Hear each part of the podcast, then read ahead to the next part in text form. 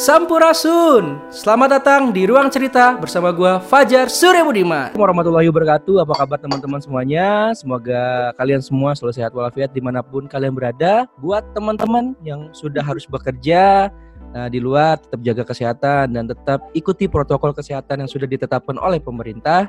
Dan buat teman-teman yang masih memiliki privilege kerja di rumah atau WFH, tetap jaga kesehatan dan sampaikan salam saya buat keluarga kalian di mana pun kalian berada. Di episode kali ini suatu kehormatan, suatu kebanggaan dan suatu ya seperti kayak reuni lah. Kami sudah lama banget gak ketemu dengan sosok perempuan satu ini. Beliau sudah sangat sibuk sekarang. Beliau uh, kalau saya sedikit bacakan uh, eh, CV beliau uh, karena terlalu banyak jadi kita singkat aja lah. Salah satunya beliau uh, uh, dulu pernah melanjutkan kuliah S1-nya di Rusia jurusan International Relationship. Kemudian juga beliau uh, menjadi salah satu pengurus pusat Tidar. Kemudian juga beliau menjadi bagian dari uh, tim di Kementerian Pertahanan dan juga uh, sekarang lagi fokus untuk bagaimana ketahanan pangan. Kita akan banyak mengulik uh, mengulik tentang sosok beliau ini dan beliau akan membagikan tips and tricksnya bagaimana beliau bisa sukses hingga sekarang dan sudah tersambung melalui via udara dengan Novalia Hartono. Halo.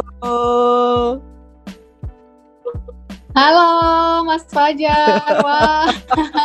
long, time no see. I think it's about a year. A year, a year. Lebih dari setahun ya kayaknya. Lebih dari ya. setahun. More than year, ya. Yeah. Aduh, jadi nih. Ya, sampai sampai udah punya anak, anaknya udah gede ya.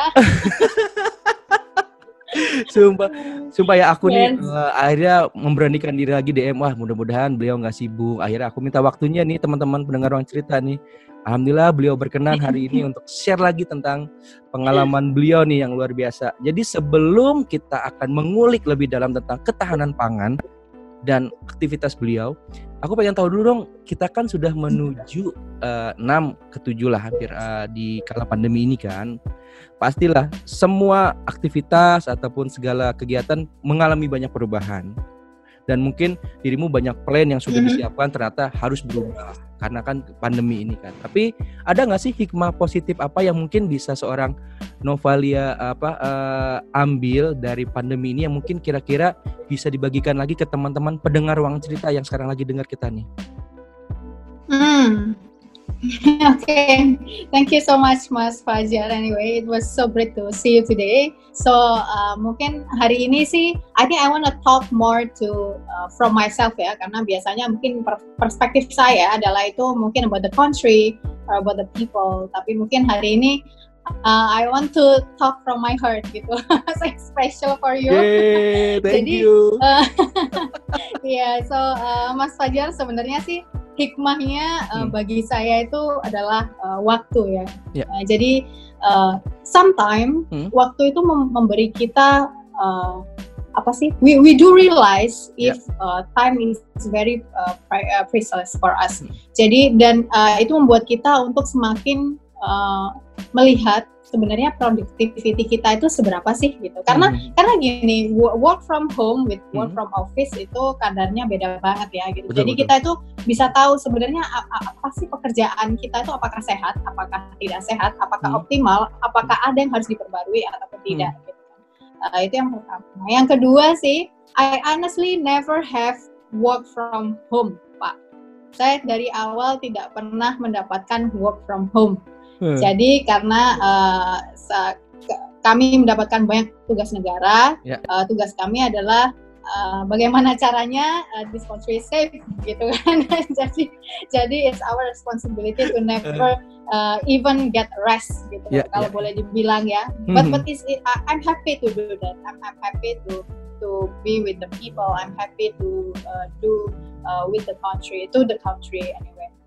Jadi uh, memang uh, uh, Pak uh, my boss atasan saya uh, bukannya tidak mau memberikan work from home tapi uh, banyak sekali hal-hal uh, militer atau non non militer yang kita harus pikirkan um, apabila uh, termasuk di masa pandemi begitu yeah, bagaimana yeah. caranya kita membantu kementerian-kementerian lain atau hmm. bahkan di Kementerian Pertahanan sendiri gitu kita harus uh, menjadikan memberikan sebuah solusi atau beberapa solusi gimana caranya uh, we we're still good gitu kalau menurut saya sih hikmahnya sih uh, apa ya kita lebih aware terhadap kesehatan sih yang iya. pertama ya. uh, karena itu, adalah salah ya, satu hal yang kita sepelekan ya iya benar dan hmm. dan dan it is a good people start to do sports hmm. um, apa ya dinamika perubahannya itu bagus sekali gitu dan hmm. uh, nggak hmm. uh, apa-apa itu kan menjadi menjadikan sesuatu yang positif ya betul, jadi betul. kita harus lihat dari segala segala arah. Aspek, ya, ya.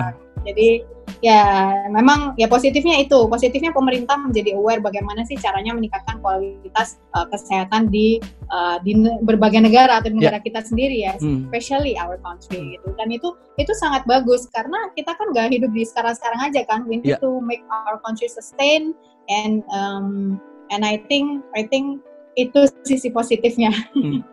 even we need to go rock and down to face it but at least there is something we can we can uh, realize gitu hmm. dari kejadian itu gitu. Iya iya. Hmm. Tapi tadi penting banget yang tadi aku garis bawahi juga dirimu bilang bahwa kesehatan itu sekarang menjadi penting banget. Kalau dulu ya kita tuh bilang eh bro sis uh, sehat-sehat ya. Hmm. Kalau dulu kan sehat-sehat itu sebagai bahasa basi. Tapi kalau sekarang tuh sehat-sehat tuh menjadi suatu yeah. doa yang men, apa yang di, diucapkan Betul. dari kita buat teman kita ataupun siapa pun itu yang sekarang menjadi yang diaminkan paling paling utama nih kalau menurut gue ya gitu. Karena kalau kesehatan betul, betul, betul. kita dapatkan semua pun nanti mengikuti kalau menurutku gitu sih ya benar gak sih betul betul of course kesehatan kehidupan dong iya kalau kalau nggak sehat how how you can think yeah. kalau nggak sehat how you can work how betul, you can betul. live Hmm. Jadi jadi emang itu uh, alhamdulillah itu menjadi suatu aspek yang sekarang diseriuskan gitu. Kalau dari yeah. dulu bukannya kita menyepelekan tapi hmm. kita menganggap itu hal yang biasa. Kesehatan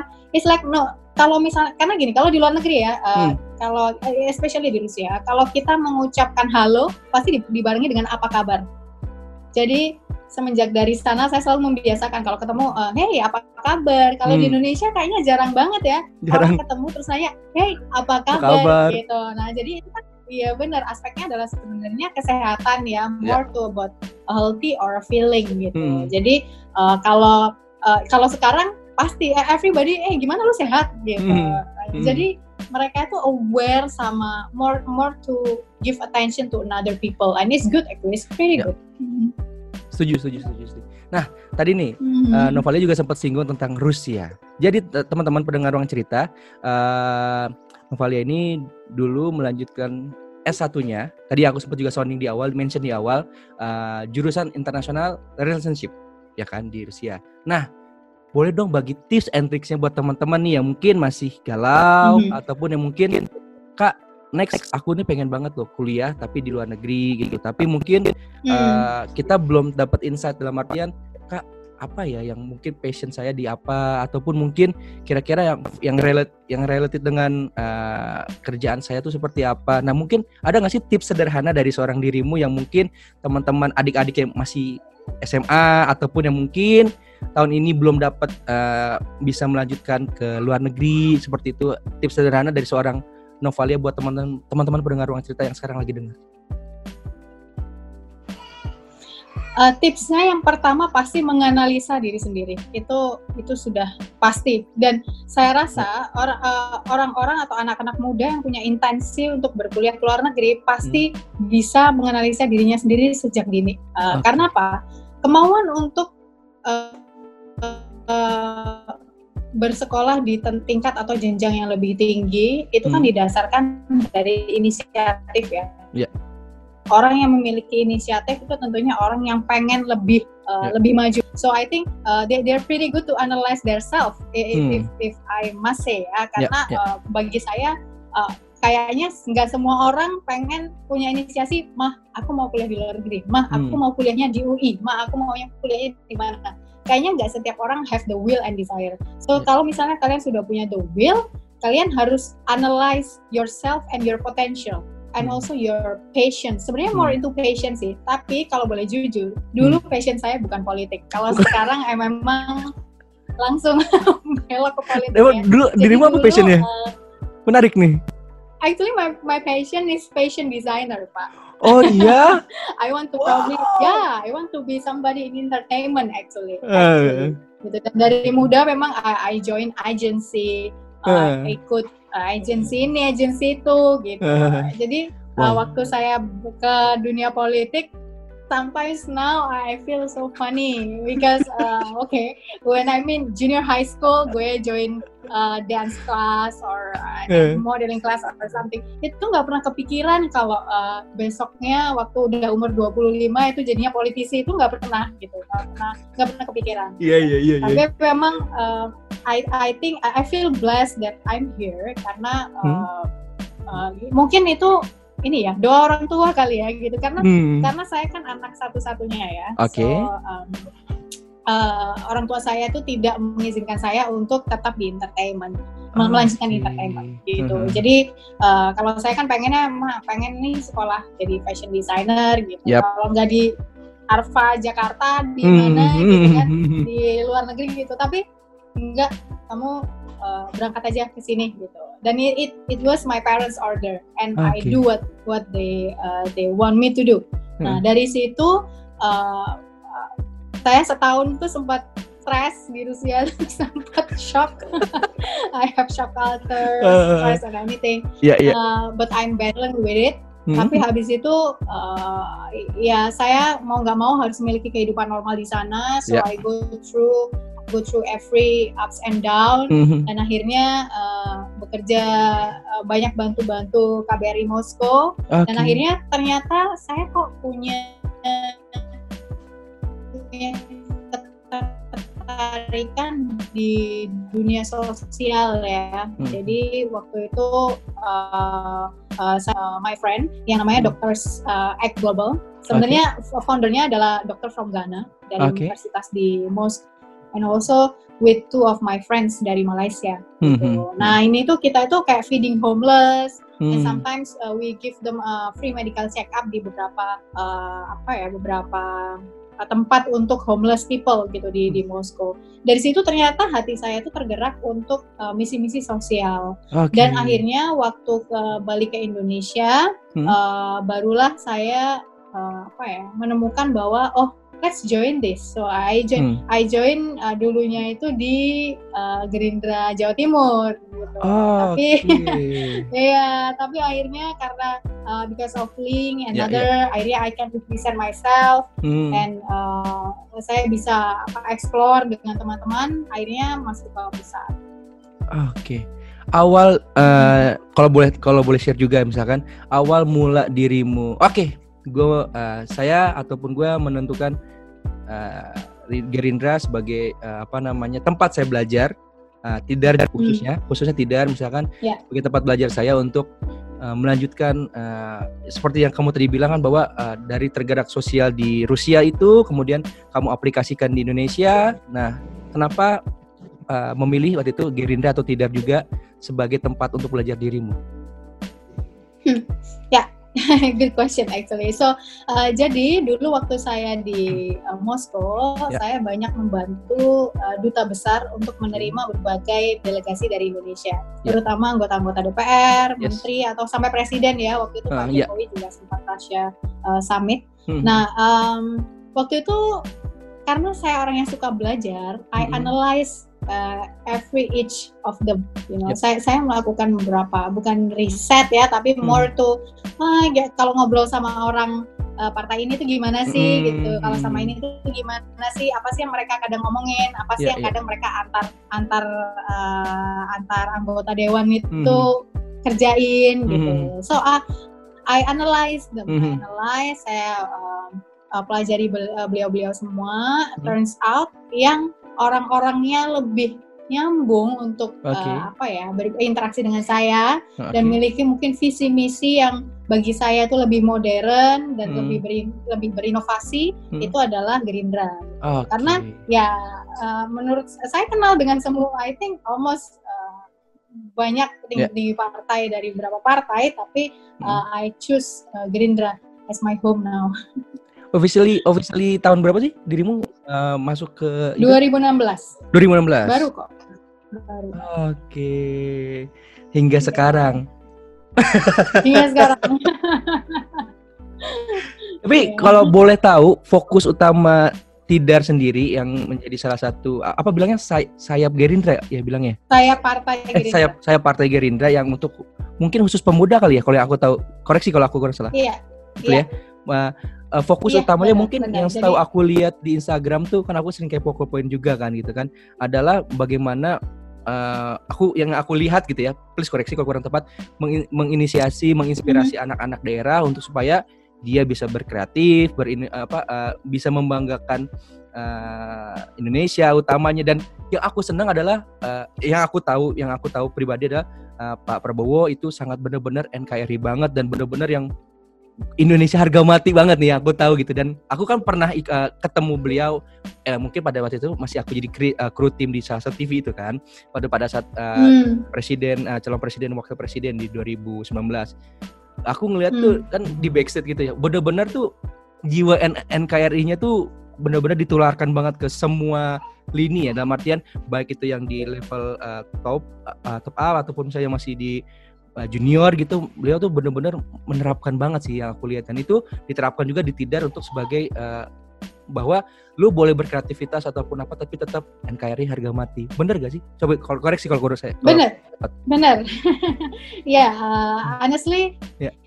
Kenapa bagi saya, hmm. menurut saya sih kalau misalnya kita, kalau mungkin Mas Fajar juga hmm. uh, analyze beberapa sayap uh, partai Partainya. muda, hmm. mungkin memang di bisa ya bisa dibilang uh, Tidar adalah salah satu yang uh, paling paling apa ya paling terdepan ya yeah. kalau uh, kita dan teman kita dari APG atau dari hmm. PAN atau dari Demokrat dan PDIP sendiri gitu um, mungkin memang kami lebih ke mengakomodir uh, para pemuda-pemudi Indonesia sih yang ingin masuk ke dunia politik tapi mungkin mereka merasa zona mereka itu belum sebagai zona-zona yang serius yeah. banget kayak eh, karena di Tidar itu kan 17 sampai 35 tahun ya. Okay. Jadi uh, eh, 17 lah. Jadi di Gerindra lah. itu kalau misalnya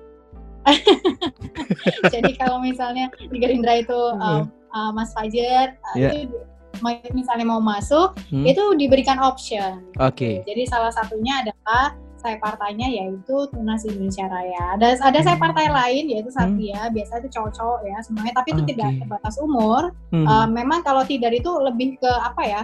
kita itu lebih ke millennials yang modern gitu loh. Oh, Visi misinya okay. tuh always always hmm. into something new, always yeah. into kita itu benar-benar mengikuti era banget, uh, benar-benar zaman now lah hmm. kalau gitu. Hmm. Jadi uh, bukan bukan sebatas uh, berorganisasi, yeah. tapi bagaimana caranya kita menciptakan karya-karya. Contohnya kalau misalnya kita itu uh, ada pilpres atau mm -hmm. election, pasti kita akan menjadi salah satu bagian yeah. uh, tim, tim yang apa ya kayak merencanakan hal-hal uh, yang sifatnya itu modern, hmm. muda, inovasi, millennials hmm. gitu. Jadi jadi Pak Prabowo is, is pretty pretty um, apa ya uh, trust us to do to yeah. do uh, those uh, campaigns gitu. Dan hmm. I think I think di di semua Indonesia ya dan kami yeah. memiliki fasilitas yang istilahnya fasilitas organisasi yang hmm. alhamdulillah hmm. sudah sangat baik di seluruh Indonesia, Indonesia. gitu. Jadi di 34 provinsi kita sudah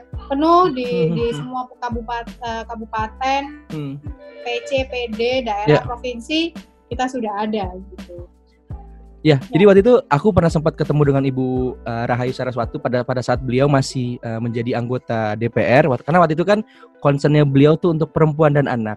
Nah, waktu itu kan aku juga betul, betul. Uh, uh, bersinggungan dengan beliau karena waktu itu masih di salah satu kementerian gitu kan. Dan itu uh, beliau waktu itu pernah mm -hmm. turun bareng sama kami di kementerian juga di karena waktu itu beliau tuh wilayahnya kalau nggak salah Jawa Tengah deh kalau salah waktu itu kan. Terus sempat pernah juga ya, uh, betul. ketemu dengan Bang Aryo juga di beberapa event pada saat aku masih di kementerian. Oh ya, yeah, for information Bang Aryo ini adalah ketua hmm. umum dari Tidar. Betul, Mas Aryo Johadikusumo. Yo, jadi Betul, tidak tuh singkatan tuh, tidak tuh singkatan Tunas Indonesia Raya. Tunas Indonesia Raya. ya.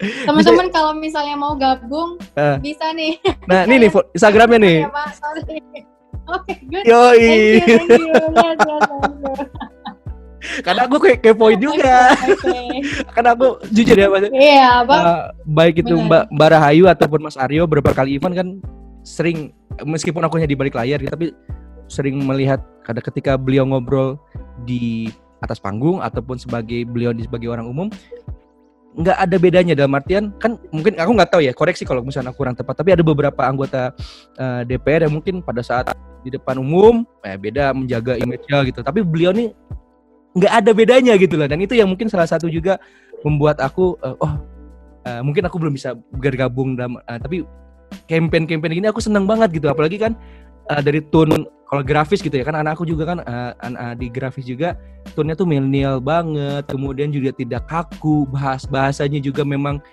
uh, easy apa kalau apa ya uh, di, gampang dimengerti gitu-gitu. Dan mungkin ada nggak sih program yang sekarang nih yang lagi disentuh banget oleh teman-teman tidar utamanya untuk uh, di kala pandemi ini buat teman-teman di daerah yang mungkin kak aku bisa join nggak kak tapi melalui virtual kah atau bagaimana gitu ada nggak sih kira-kira? Tentu. Jadi sebenarnya sih kita ini nggak ada nggak ada batasan ya, you know, hmm. karena apa? Kita itu pengennya mengakomodir anak-anak muda yang peduli pada bangsa kan. Hmm. Nah, kepedulian mereka pada bangsa, kepedulian kita pada hmm. bangsa itu sebenarnya bisa ditorehkan dalam bentuk apa pun. Oke. Okay. Dalam misalnya you you just need to snapgram your what is your idea yeah. about the country it's your hmm. it's actually already your contribution jadi nggak okay. mesti yang harus kamu pidato orasi di depan umum itu uh, you know it's a old style uh, politik right jadi kita sekarang mengikuti zaman yeah. kita uh, apa ya mengakomodir hal-hal yang lebih mudah yeah. ya contohnya sih memang kita banyak uh, apa ya melakukan webinar-webinar juga sih mm -hmm. uh, tentang uh, ya apa ya discussion and talk juga mm-hmm. dan di setiap daerah itu mm-hmm. they they they never uh, stop apa ya their agenda Nah, okay. especially mungkin bagi-bagi masker yeah. atau agenda-agenda sosial atau yeah. agenda pendidikan mm-hmm. atau anak dan perempuan itu uh, lini uh, pengurus daerah kami itu tidak ada yang berhenti meskipun pandemi. Justru yeah, di iya, pandemi yeah, yeah. mereka terus bergerak bagaimana caranya membantu masyarakat hmm. dan uh, mengakomodir hal-hal yang bisa mereka kembangkan gitu sih. Okay. Nah, memang uh, organisasi namanya uh, partai politik itu kan organisasi ya. ya. Jadi itu bukan keharusan, betul, tapi betul. itu adalah kemauan. Kemauan. Gitu. Jadi kalau hati sih kalau betul, jadi benar benar. Hmm. Jadi kalau misalnya orang yang udah di partai politik atau hmm. mungkin di uh, di tidar ya, itu harus hmm. orang-orang yang benar-benar uh, have will ada kemauan, hmm. uh, ada perhatian benar untuk masyarakat. Karena kalau enggak hmm. dengan beriringnya waktu, mereka pasti akan ikut-ikutan aja. Betul betul ikut aja kalau misalnya hmm. ada atau enggak ada, ada atau enggak ada, kayak gitu kan. Tapi kalau uh, saya rasa Tigar itu we have very strong apa ya uh, blood together as a family. Yeah. You know, saya bangganya adalah itu ya Uh, Jadi apalagi uh, pengurus pusat dan pengurus daerah hmm. itu kita benar-benar kuat align satu dengan yang lain gitu. We, hmm. Kita nggak pernah yang sepi-sepi aja. Setiap yeah, yeah. hari juga pasti komunikasi, setiap hmm. hari juga pasti diskusi. We, hmm. if if somebody have problem, we help each other atau hmm. gimana kita kompak banget gitu. Itu yang salah satu yang yeah, uh, saya bangga dari Tigar hmm. gitu dan nggak ada nggak ada apa ya jarak gitu ya antara mungkin senior dengan uh, juniornya tetap berbagi apa namanya yeah. pandangan sudut pandang kayak gitu kan. Baik itu politik yeah, ataupun tentang NKRI ataupun apa pun itu sih ya. Aku lihat juga seperti itu sih. Berapa kali kan uh, aku uh, lihat juga di apa uh, waktu itu pada saat aku masih di salah satu uh, lembaga juga di pemerintah kan di komisi satu pun bener banget di beliau tuh uh, memberikan banyak insight juga sih buat aku juga secara pribadi yang mungkin yang awalnya tuh buta banget tentang akan politik kayak gitu ya. Terus saya terbuka hmm. pelan-pelan dari beberapa uh, anggota DPR juga yang sekarang uh, di, di di sana kayak gitu kan. Itu sih yang aku lihat. Terus kemudian berapa kali kan aku hmm. liput liputan juga uh, program uh, dari Tidar juga pada saat sebelum sebelum Covid. pada saat masih di di sana okay. kayak gitu kan. Okay. Ya gitu-gitu Intinya senang sih aku. Jadi teman-teman sekali lagi buat teman yang pengen tahu informasi tentang uh, Tidar, bisa follow Instagramnya di Tunas Indonesia Raya atau Tidar di @pp.tidar.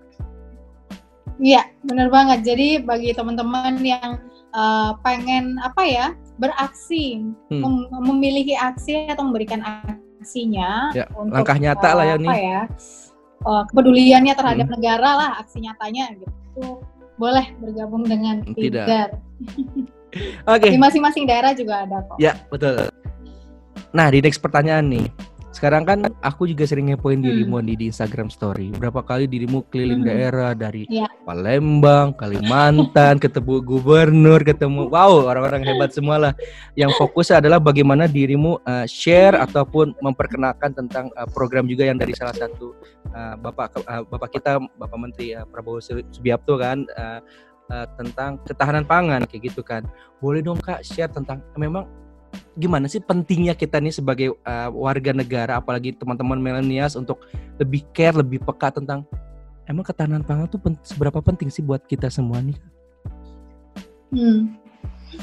Wah itu pertanyaan yang sangat uh, sangat apa ya sangat penting banget nih hari, hari ini karena lagi isu banget kan bener bener bener isu banget nih covid untuk ketahanan pangan ya. iya jadi Benar bro. Jadi uh, kita harus menyadari kalau hmm. uh, sebenarnya uh, apa ya threat of militer itu tidak hanya dari militer sisi militer. Yeah. Ada dua yaitu uh, militer and near militer. Nah kalau near militer kita sudah lihat sendiri uh, sejak dari Februari uh, kita berperang dengan sesuatu yang sebenarnya itu gak bisa kita lihat. Iya benar-benar. We, we don't know how to prevent that, right? Jadi itu adalah salah satu near militernya gitu. Dan kebetulan sekali uh, selama ini itu kita kurang kurang aware terhadap hal-hal itu gitu. Yeah. Nah, uh, lalu 2000 dan ini tuh pas banget momennya 2019 Bapak Presiden kita Pak Jokowi itu baru mengesahkan sebuah undang-undang yang okay. namanya Undang-Undang PSDN, Pengelolaan okay. Sumber Daya Nasional. Yeah. Nah, dalam pengelolaan sumber daya nasional itu tugasnya adalah mentransformasikan mm -hmm. sumber daya sumber daya nasional menjadi ketahanan nasional. Nah, salah satu streamnya yang harus yang bisa uh, menjalankan stream itu adalah Pak Menteri Pertahanan, gitu, Kementerian Pertahanan yeah, gitu, yeah. yang harus menjalankan. Lalu akhirnya terjadilah COVID-19 di, di tahun 2020 di Februari. Terus sebenarnya sempat shock ya. ya. I mean like our team, our team itu kan more into oke okay, gimana caranya kita uh, kita menghadapi uh, apa ya ancaman-ancaman militer nih contohnya Betul. dalam mungkin di IT yeah. ataupun uh, kesehatan ataupun ini itu gitu banyak banget kan hmm. nah ya, yang harus kita jaga sebenarnya uh, itu adalah uh, pertani uh, pertanian perikanan konservasi dan bioenergi kan gitu Nah ternyata langsung kejadian gitu di 2020. Kita juga hmm. sempat kaget loh. Kok waktu kita lakukan visibility study, kita pelajari, kita mau jalankan, ternyata hmm. langsung kita harus hadapi secara real, real. hal yang ternyata itu selama ini kita oh oh, oh dear lord gitu loh. Yeah, yeah, in yeah. front of our eyes gitu kan. Jadi yeah, yeah. Uh, sekarang tuh kayak kita nggak ada bahkan nggak ada waktu lagi untuk yeah. mempelajari hal itu, but we must yeah. take action gitu. Karena uh, sudah berbulan-bulan ini kita running we do maraton pak untuk bagaimana Udah, caranya kita uh, kita menghadapi hal ini yeah. gitu jadi uh, memang sih selama ini kan kita uh, fokusnya ketahanan hanya di militer nah Betul. kalau di ketahanan pangan itu uh, karena kemarin Bapak Jokowi tadi saya sudah sampaikan kalau beliau mengesahkan sebuah undang-undang, mm-hmm. nah akhirnya Pak Menhan itu membentuk sebuah tim yang namanya tim Krida Karya Semesta. Okay, nah tim Krida Karya Semesta ini uh, itu di bawah Kementerian Pertahanan ya di bawah Menteri Pertahanan langsung itu jumlahnya mm -hmm. ada sekitar uh, 20 hingga 30 orang mm -hmm. uh, profesional termasuk okay. uh, saya mm -hmm. yang membantu uh, Bapak Menteri untuk melakukan feasibility study tentang uh, ancaman militer mm. terutama hmm. adalah ketahanan pangan gitu hmm. karena keta, uh, ketahanan pangan kita kalau misalnya kita menghadapi segala macam ancaman itu itu hanya bertahan hingga 58 hari gitu. Jadi oh. bagaimana caranya? Betul. Hmm. Jadi bagaimana caranya kita bisa extend atau kita we we have yeah. uh, kita memiliki surplus pangan lah atau hmm. atau apa ya? Uh, itu bukan ketahanan pangan lagi gitu, hmm. tapi tentang bagaimana caranya kita sudah merdeka merdeka pangan gitu hmm. sih.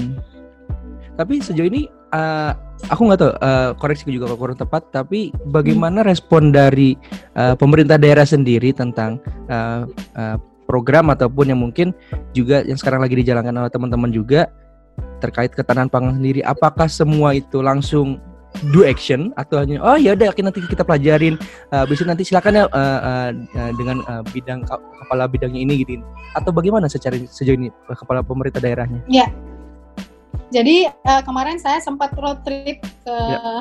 dua provinsi, terutama Sumatera Selatan. di uh, Kalimantan dan Sumatera. Kalimantan. Betul.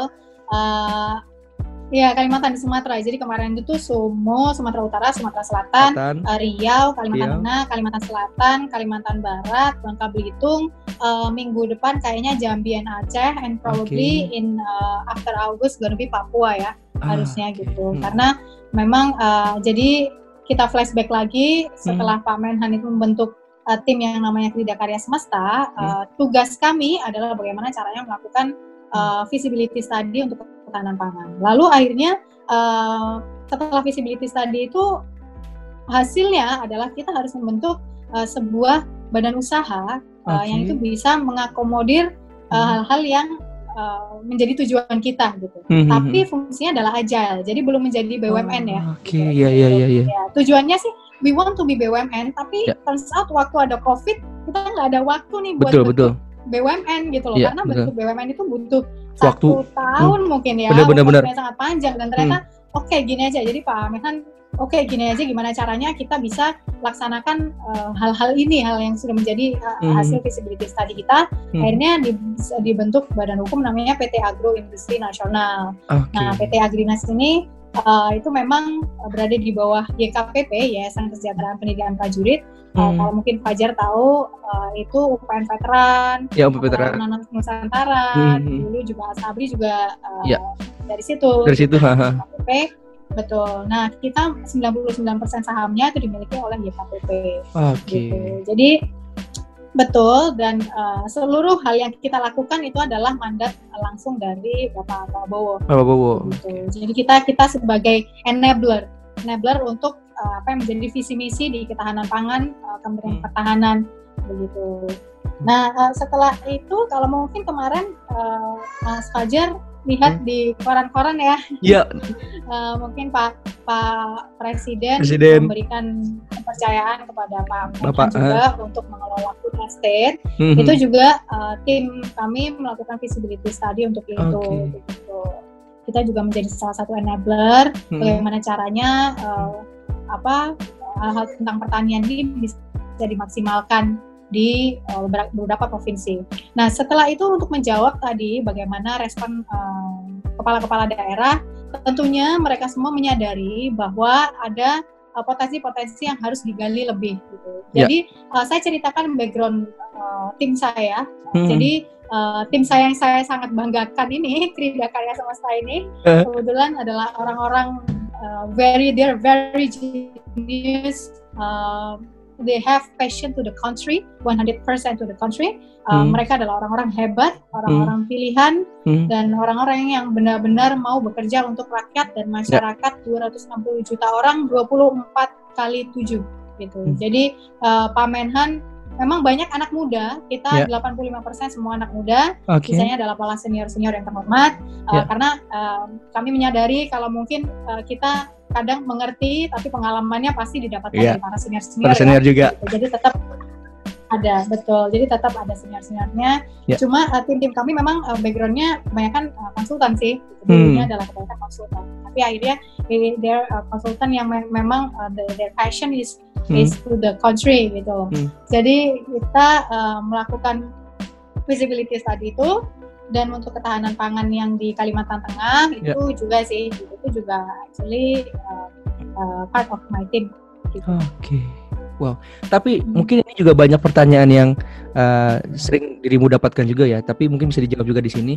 Apa hubungannya atau bagaimana uh, uh, ya apa saling koneksinya antara uh, tugas Bapak yang baru di, dari Kemenhan yang ditugaskan oleh Presiden langsung tentang ketahanan pangan dengan uh, tupoksinya dari Kementerian Pertanian itu sendiri nih. Bagaimana sih kita melink and match-nya uh, program ini dengan program dari Kementerian Pertanian sendiri? Ada nggak sih Kak? Seperti apa? Hmm. Link and match, of course, kita semua um, apa ya memiliki visi untuk negara ya. That's the links and match. Uh, pasti persamaannya adalah di bidang pertanian gitu. Yeah Cuma yang perlu dicatat adalah eh? kalau Kementerian Pertahanan kita itu more into cadangan pangannya. Cadangan Jadi more pangannya. into ketahanan pangannya. Okay. Ya, kita itu pengen make this 58 days yeah. become more long.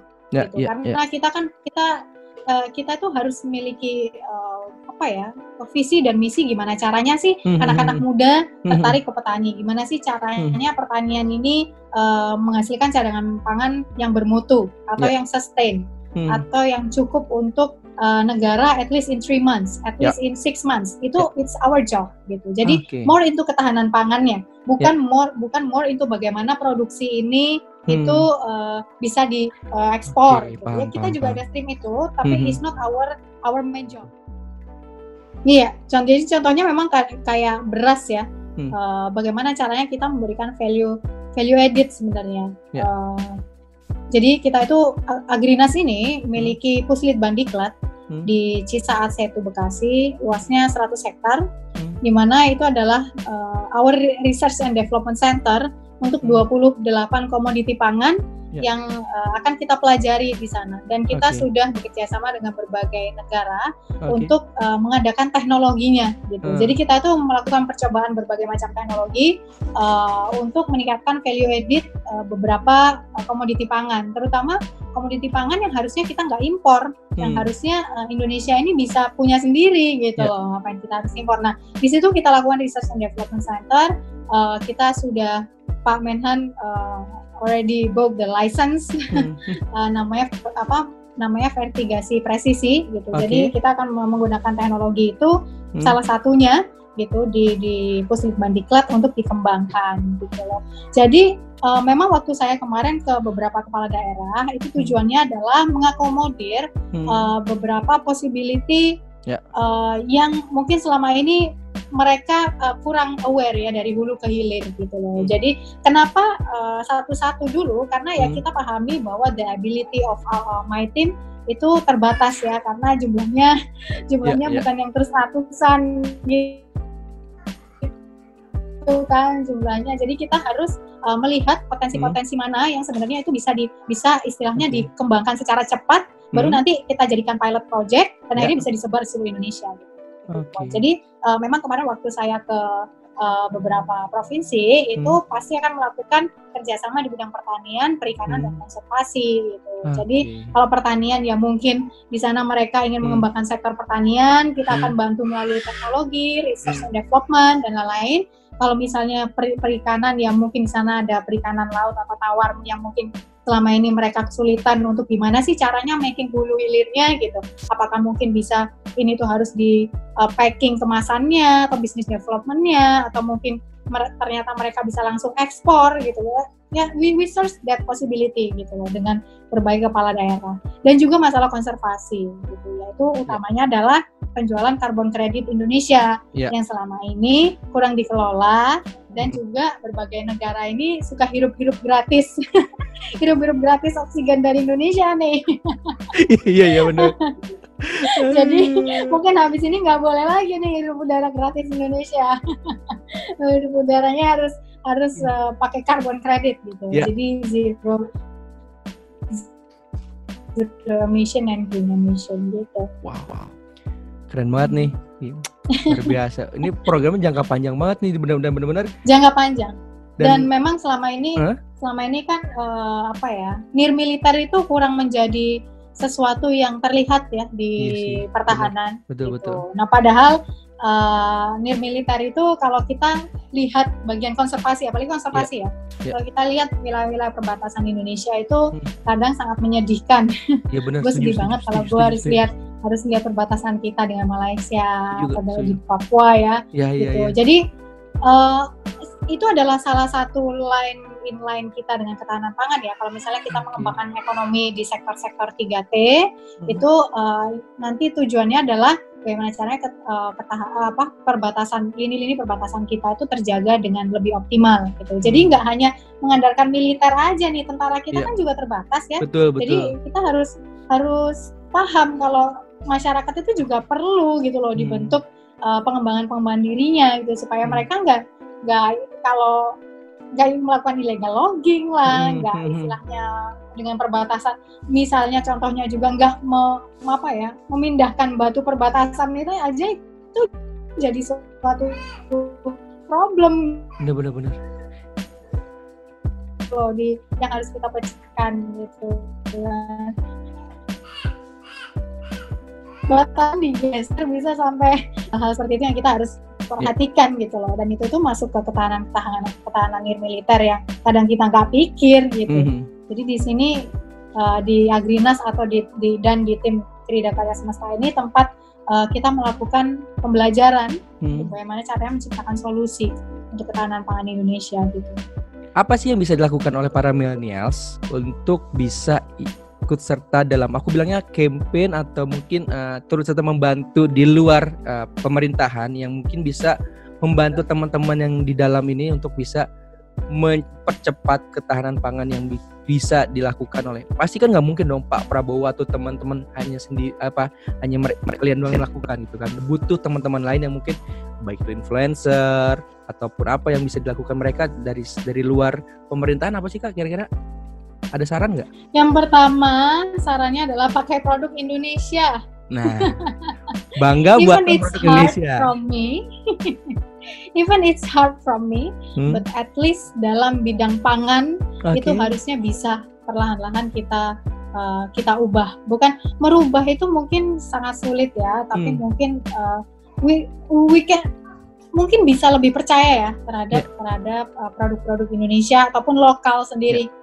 dan itu sangat penting dan mungkin uh, untuk uh, teman-teman yang juga memiliki usaha-usaha hmm. uh, lokal nih pangan hmm. yang lokal uh, kita harus mengerti bahwa pangsa pasar kita yang harus yeah. didevelop itu tidak hanya menengah ke atas yeah. tapi juga menengah ke bawah hmm. Jadi kalau misalnya kita mau membuat modernisasi pangan hmm. itu harus istilahnya uh, let's let's give um, give to everybody not yeah. not only to uh, middle and up class hmm. gitu loh. Jadi hmm. kadang kan kayak uh, kita ini kan pengen yang yang lokal tapi lokal kok mahal banget gitu yeah. ya. Pengen yang ini tapi kok mahal banget gitu. Padahal ya enggak juga gitu. Harusnya uh, teman-teman yang memiliki lokal lokal uh, food yang bergengsi yang bisa mengakomodir uh, pangan-pangan Indonesia ini bisa bisa membantu satu sama lain gitu. Okay. Tapi memang uh, untuk ketahanan pangan ini kita harus sadar ya bahwa hmm. uh, petani-petani kita itu kan usianya tua-tua banget ya. Ya senior lah ya. persen itu usianya di atas 50 tahun gitu loh. Dan hmm. uh, tapi kemarin Agrinas itu membuka lowongan pekerjaan hmm, untuk okay. pertanian teknologi based on teknologi kita hmm. dalam tiga hari itu hmm. jumlahnya tuh 1.700 orang loh hmm. yang mendaftar. Oh iya? Jadi uh, iya, jadi kita kami sendiri baru baru hmm. mengerti dan baru sadar kalau ternyata wow pertanian ini yang penting itu diakomodir aja gitu loh. Yang hmm. penting itu ada orang-orang yang uh, ma mau mengakomodir anak-anak muda hmm. untuk uh, ngurusin pertaniannya Indonesia gitu hmm. secara modern ya. Hmm. Karena selama ini kan mungkin sistemnya itu kayak kalau urbanisasi itu uh, orang pindah ke Kalimantan misalnya, habis hmm. itu punya anak, uh, punya anak, anaknya lima, uh, hmm. akhirnya satu hektar dibagi lima nah akhirnya sistem produksinya nggak maksimal di situ gitu yeah. you know hal-hal ini yang uh, it's, it's so big to to uh, talk yeah. ya kalau misalnya hmm. kita hmm. harus diskusi tentang hal-hal ini gitu yeah, itu so big aspek cuma memang untuk anak-anak muda Indonesia sih tentang ketahanan pangan ya kita harus harus menyadari kalau uh, support support ini itu sebenarnya dibutuhkan gitu hmm. untuk bagaimana caranya kita konsumsi lokal Uh, ya saya pribadi sih hmm. masih kadang ada hal-hal yang yeah. kita nggak bisa dapatkan di Indonesia gitu yeah. ya. Uh, cuma ya, we, uh, I think Agrinas is trying to uh, accommodate hal itu. Oke. Okay. Jadi sekali lagi buat teman-teman nih siapa pun kalian yang di luar dari pemerintahan, kalian bisa bantu teman-teman uh, baik itu UMKM ataupun teman-teman mm uh, petani lokal dengan bangga uh, dengan produk atau buatan Indonesia. Karena kalau bukan kita siapa lagi yang cinta dengan buatan Indonesia, bener nggak kalau bukan warganya betul. sendiri? Betul betul. Karena memang apalagi di daerah-daerah ya, daerah-daerah ya. itu kadang bingung loh bagaimana caranya mereka melakukan business development. Ya. Misalnya branding. Hmm. Tapi begitu mereka sudah branding, mereka sudah packing, sudah ini, tetap aja ternyata anak eh, anak-anak muda ini lebih suka hal-hal yang yeah. berbau luar, luar gitu ya. modernisasi modernisasi luar. Jadi kadang susah juga. Kayak contohnya mungkin Halmahera Selatan ya, mm. mereka tuh sangat sangat overload uh, tuna banget gitu loh. Jadi hmm. bisa di Halmahera Selatan tuh tuna itu sampai dibuang-buang. Oh ya. Oh. Gitu kan. Nah, mereka akhirnya melakukan uh, contohnya uh, repacking ataupun hmm. uh, frozen uh, tuna hmm. di, di rumah ke rumah. Jadi rumah ke rumah itu punya sendiri-sendiri gitu. Dan akhirnya okay. di-collecting oleh pemerintahnya hmm. uh, untuk bagaimana caranya dijual ke uh, pusat oleh-oleh atau keluar daerah. Tapi tetap aja uh, kayak apa sih? Padahal tunanya juga kayaknya tuna yang dari Jepang juga udah ambilnya juga dari Indonesia, gitu. Tapi uh. habis dari Jepang di, dijual lagi. Nah itu kan uh, dengan harga yang mahal padahal itu juga dari Indonesia gitu ya. Hmm. nanti endingnya balik-balik lagi ke Indonesia gitu. Yeah. Padahal tunanya juga dari Halmahera Selatan gitu kan. Jadi uh, hal-hal kayak gitu yang kadang kita nggak sadar yeah. gitu. Jadi uh, mungkin lebih perhatian aja sih uh, sama ingredients ingredientsnya gitu. Lebih mm -hmm. ke gimana sih caranya oh produk lokal aja gitu mm -hmm. yang kita pilih. Gitu. Setuju sih, setuju, setuju dan mungkin buat teman-teman juga selain influencer ataupun teman-teman yang punya apa namanya di bidang lain yang bisa membantu produk Indonesia buat Indonesia kalau menurutku sih mulai sekarang ya. Karena dengan kita saling membantu apalagi di kala pandemi ini kan sangat berarti banget sih buat semuanya gitu. Tidak hanya di uh, buat di lingkungan kita tapi buat mereka yang mungkin juga bingung mempro memproduksi apa mempromosikan produknya juga sangat membantu sih ya. Menurutku gitu ya Iya. Jadi uh, saat ini itu kan I think a lot of people struggling with their business ya Pak ya. Yeah. Uh, and I think uh, we are all need together to uh, gather the help yeah. to help each other hmm. uh, untuk aware satu sama lain. Hmm. Apa sih hal-hal yang bisa kita kembangkan bersama gitu loh. Karena ya itu tadi kalau kita masih mengutamakan hal, -hal yang di luar hmm. nanti kalau pintu uh, impor ditutup pintu ekspor yeah. ditutup baru deh kita sadar gitu kan apa sih artinya uh, kepentingannya lokal. untuk lokal produk lokal gitu yeah. jadi jangan sampai kita di stase itu baru kita sadar gitu mm-hmm. kita harus melakukan banyak value added atau development sistem di berbagai daerah gitu loh mm-hmm. jadi mohon didukung aja yeah. especially teman-teman yang di daerah sih kalau menurut saya sih lebih di teman-teman yang di daerah ya yang gitu mm-hmm. aja jadi uh, konsep of thinkingnya itu um, kita harus uh, kearifan lokal yang harus didukung gitu sih setuju setuju wow mm-hmm luar biasa banget nih. Banyak sebetulnya masih banyak banget pertanyaan aku tapi karena kembali lagi waktu takutnya uh, dirimu juga sibuk tapi mungkin teman-teman nih punya ide kira-kira kalau misalkan nanti Novalia berkenan lagi di episode berikutnya apa sih kira-kira yang bagus ataupun mungkin kalian punya ide apa saran apa yang kira-kira pengen dibahas di topik apa yang mungkin bisa dibahas bisa komen di Instagramnya aku di @fajarsuryabudiman di Instagram ataupun bisa kalian juga mention di uh, Instagramnya Novalia di Novalia Hartono di @novalia_hartono. Uh, kalian juga bisa mention di situ. Kira-kira kira aku pengen tahu lebih dalam tentang ini dong. Nah, itu juga boleh nanti kalian bisa komen di bawahnya. Boleh, atau, boleh. Ataupun bisa kalian juga uh, like di subscribe ataupun di Spotify channel Ruang Cerita Fajar. Pertanyaan terakhir nih di episode kali ini di bersama dengan Novalia Hartono.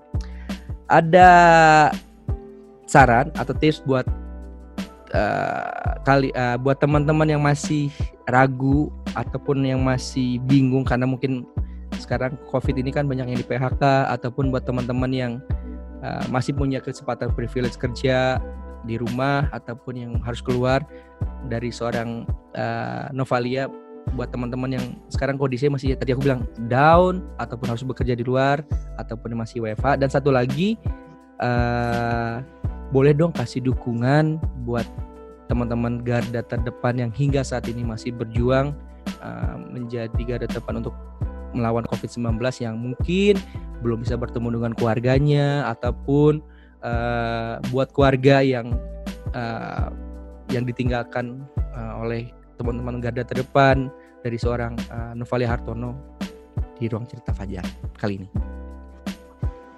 Oke, yang pertama dulu ya, mungkin ya bagi teman-teman yang di sana masih berjuang, I mean kita semua we're all uh, in this together. Uh, you know, this is not only uh, uh, one local problem or issue, but this is international issue. So uh, I think we must believe uh, if we can uh, we can do this, if we can go through this, and we will pass it. Itu adalah hal, hal mindset yang kita harus miliki yeah. supaya uh, kita memiliki kepercayaan diri. Gimana caranya we we we can go uh, from all of this gitu.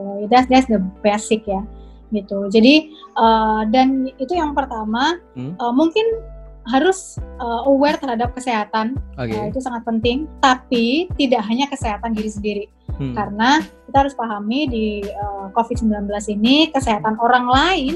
Justru hmm. yang sepertinya lebih rentan nih untuk nggak yeah. kita jaga gitu loh. Hmm. Karena mungkin kalau kita udah udah aware terhadap cuci tangan, hmm. tapi kadang kita nggak aware terhadap pemakaian masker hmm. atau bagaimana caranya atau gimana atau kapan masker itu harus dipakai gitu. Kadang hmm. saya sendiri juga kadang lupa gitu kan.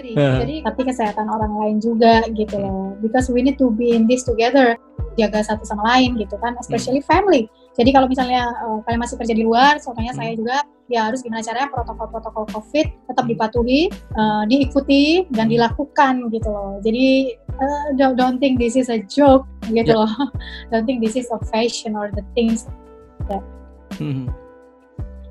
uh, we need to just follow. No, hmm. it's not only just follow, but we need to do that gitu ya yeah. in matter of protocol for the sake of everybody gitu kan. Dan uh, mungkin kalau untuk teman-teman yang uh, mungkin sekarang lagi kena musibah pekerjaan PHK atau ya. lain-lain, yeah. lebih ke cari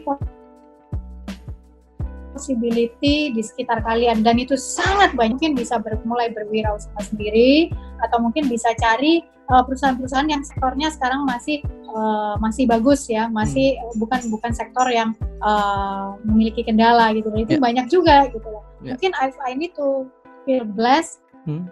kalau uh, mungkin uh, I'm in a safe zone tapi uh, tugas kita tugas hmm. kita yang di safe zone jadinya malah bagaimana caranya bisa mengakomodir dan membantu teman-teman yang lagi kena musibah gitu yeah. loh bagaimanapun caranya dan mungkin perbanyak link-link jadi dari yeah. dari teman-teman uh, berbanyak komunikasi perbanyak link dengan uh, teman-teman sekitar uh, itu pasti ada even in your Instagram itu pasti hmm. banyak banget possibility possibility yang harusnya bisa kalian kerjakan gitu loh hmm. jadi dan possibility itu harus dicari mas Fajar possibility itu nggak boleh hanya ditunggu jadi harus harus kita yang take action harus hmm. kita yang paham di mana sih possibility-nya hmm. harus ada kemauannya gitu hmm. gitu loh mungkin ada bisa juga ikut program-program pemerintah yang saat ini yeah. sedang dicanangkan uh, oleh Pak Presiden begitu nah bisa mungkin di searching searching di Google gimana cara kartu prakerja gimana hmm. cara mendapatkan uh, peng, apa uang tambahan gitu. hmm.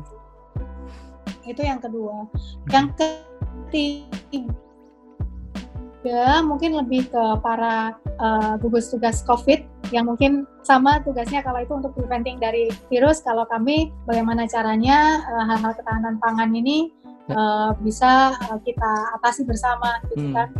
So okay. untuk mungkin garda terdepan ya, I will continue. Uh, tugasnya sih agak mirip ya, tapi mungkin kalau untuk uh, garda terdepan, terdepan lebih ke Gimana caranya preventingnya untuk ke virusnya. Hmm. Kalau ke kita sih gimana caranya da dalam uh, penanganan ini itu tentang ketahanan pangan gitu kan. Uh, you know when we got support Hmm. Uh, waktu saya mendapatkan support dari orang-orang terdekat karena kemarin memang waktu WFH itu justru kita nggak WFH kita gimana caranya kita akomodir ketahanan pangan di seluruh Indonesia hmm. jadi uh, waktu orang-orang di rumah orang-orang takut sama virus kita malah harus ke sana harus ke sini harus tetap kerja gitu kan yeah, yeah. the the struggle is very real and the the fear actually yeah. it was real gitu loh kadang kita mikir aduh ini jangan-jangan uh, gue kena nih kadang-kadang hmm. gue bisa kena nih gitu hmm. kadang-kadang kayak gitu kan cuma uh, we need to do our job uh, yeah. in a very uh, maximum uh, capacity you know to save our country is hmm. uh, is a things and a task that we must yeah. do and we must finish gitu. Yeah. Jadi kalau uh, saya bisa pesan terhadap teman-teman garda terdepan, hmm. uh, mungkin itu sesuatu yang berat, hmm. sesuatu yang kadang oh why must me gitu loh, kenapa yeah. harus kenapa harus gue dan itu ternyata gue gitu. Kadang yeah. kita masih shock juga gitu. Tapi uh, kita harus bangga bahwa kita berusaha untuk menyelamatkan 260 juta uh, masyarakat, masyarakat kita dari hal yang uh, hal yang kita we never know yeah. you know uh, dan dan itu itu uh, sim my simple words itu kadang-kadang untuk teman-teman garda terdepan itu uh, sometimes it was so so touch gitu. karena saya pribadi waktu menerima kata-kata ini you know kadang saya sampai pengen kadang pengen nangis gitu loh dengarnya oh my god ya yeah, that's that's me gitu kita kita harus we need to uh, apa ya, we need to save the the people gimana yeah, caranya uh, orang-orang uh, ini bisa para masyarakat bisa uh, terhindar dari uh, berbagai macam bahaya gitu padahal kita sendiri juga punya keluarga I need betul, betul. I, I have my parents that yeah. every day worry of me gitu kan hmm. mungkin kalau yang garda depan punya keluarga di rumah gitu yang penting jaga kesehatan itu adalah okay. yang paling penting jadi vitamin kesehatan everything yang um, pasti sudah ditunjang oleh pemerintah dan pasti sudah ditunjang oleh rumah sakit masing-masing yeah. harus dijalani sesuai uh, aturan dan protokol. Gitu. Yeah. Jadi virus ini hanya bisa di battle kalau kita ikuti aturannya gitu. Kita yeah. ikutin aturannya dan kita tidak membangkang. Yeah. Dari situ kita Setuju. bisa uh, menurunkan uh, rasionya gitu. Yeah. Jadi mungkin juga bagi teman-teman uh, apa uh, garda terdepan juga juga harus perhatikan hal-hal yang pasti sudah diarahkan oleh pimpinan gitu loh. Karena pasti mereka sudah di, di provide vitamin per satu bulan sekali suntik ini suntik itu. Itu harus aku uh, harus rutin dilakukan gitu. Dan harus diperhatikan. Jadi uh, itu untuk uh, garda terdepan saya nggak mau muluk-muluk berpesan oh, harus tetap semangat tetap ini. Karena I think is past the time that is past sekarang gimana caranya we face the reality that is in front of us uh, apa ya uh, solusi-solusi ini tuh harus harus menjadi hal yang kita laksanakan. So we must do it gitu. We must we must do and we must finish it until the last line. Itu yang uh, saya pengen pengen uh, kasih semangat ya buat teman-teman gitu. So the words for me is not buat semangat ya. It's, it's not that anymore you know bro. Uh, we need to face the fact that uh, now the time is running and we need to uh, however and whoever is it to uh, battle with this together and uh, we must be serious to face this together and help each other gitu untuk bagaimana caranya menyadarkan masing-masing pihak kalau uh, preventing ini tuh sudah bukan sangat penting lagi tapi we must do it yes or no gitu Wow. Luar biasa banget. I'm more into punchline because I know what they're doing. I know what they are suffer. Uh, I think my me and my team will suffer the yeah. same thing, hmm. and so uh, the words is not about sweet words anymore. I must say. Anyway, luar biasa banget obrolan kita hari ini. Kalau kata anak-anak zaman sekarang nih, ini bilang ini obrolan kita tuh daging semua. Oke, okay. Sekali lagi terima kasih banyak untuk Novalia untuk waktunya hari ini. Uh, saya harap dirimu tidak kapok untuk main lagi di ruang cerita.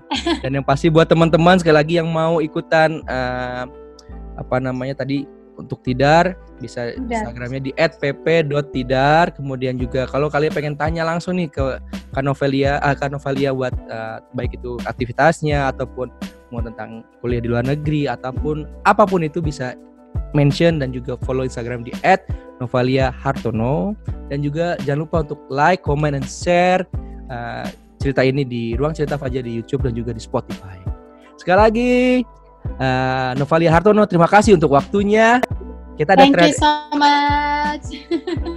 kita ada tradisi nih. Terima kasih, semoga cepat ketemu ya. Amin, amin, amin, amin, amin, amin. Kita ya, ada tradisi ya, main, nih. Main ke kantor deh. Iya dong. Ke kantor. Tinggal tunggu callingan Tapi ke aja. kantor yang satunya, ke perusahaan. Oh siap.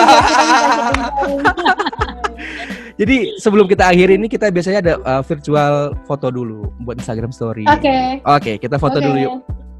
Oke. Okay. Oke okay, yuk satu dua.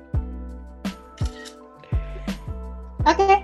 Yes, sekali lagi terima kasih Novalia Hartono untuk waktunya sudah mau bergabung di ruang cerita Fajar. Sampai jumpa di lain kesempatan. Sehat-sehat selalu ya. Bye. Dah. Assalamualaikum. Dah. Waalaikumsalam.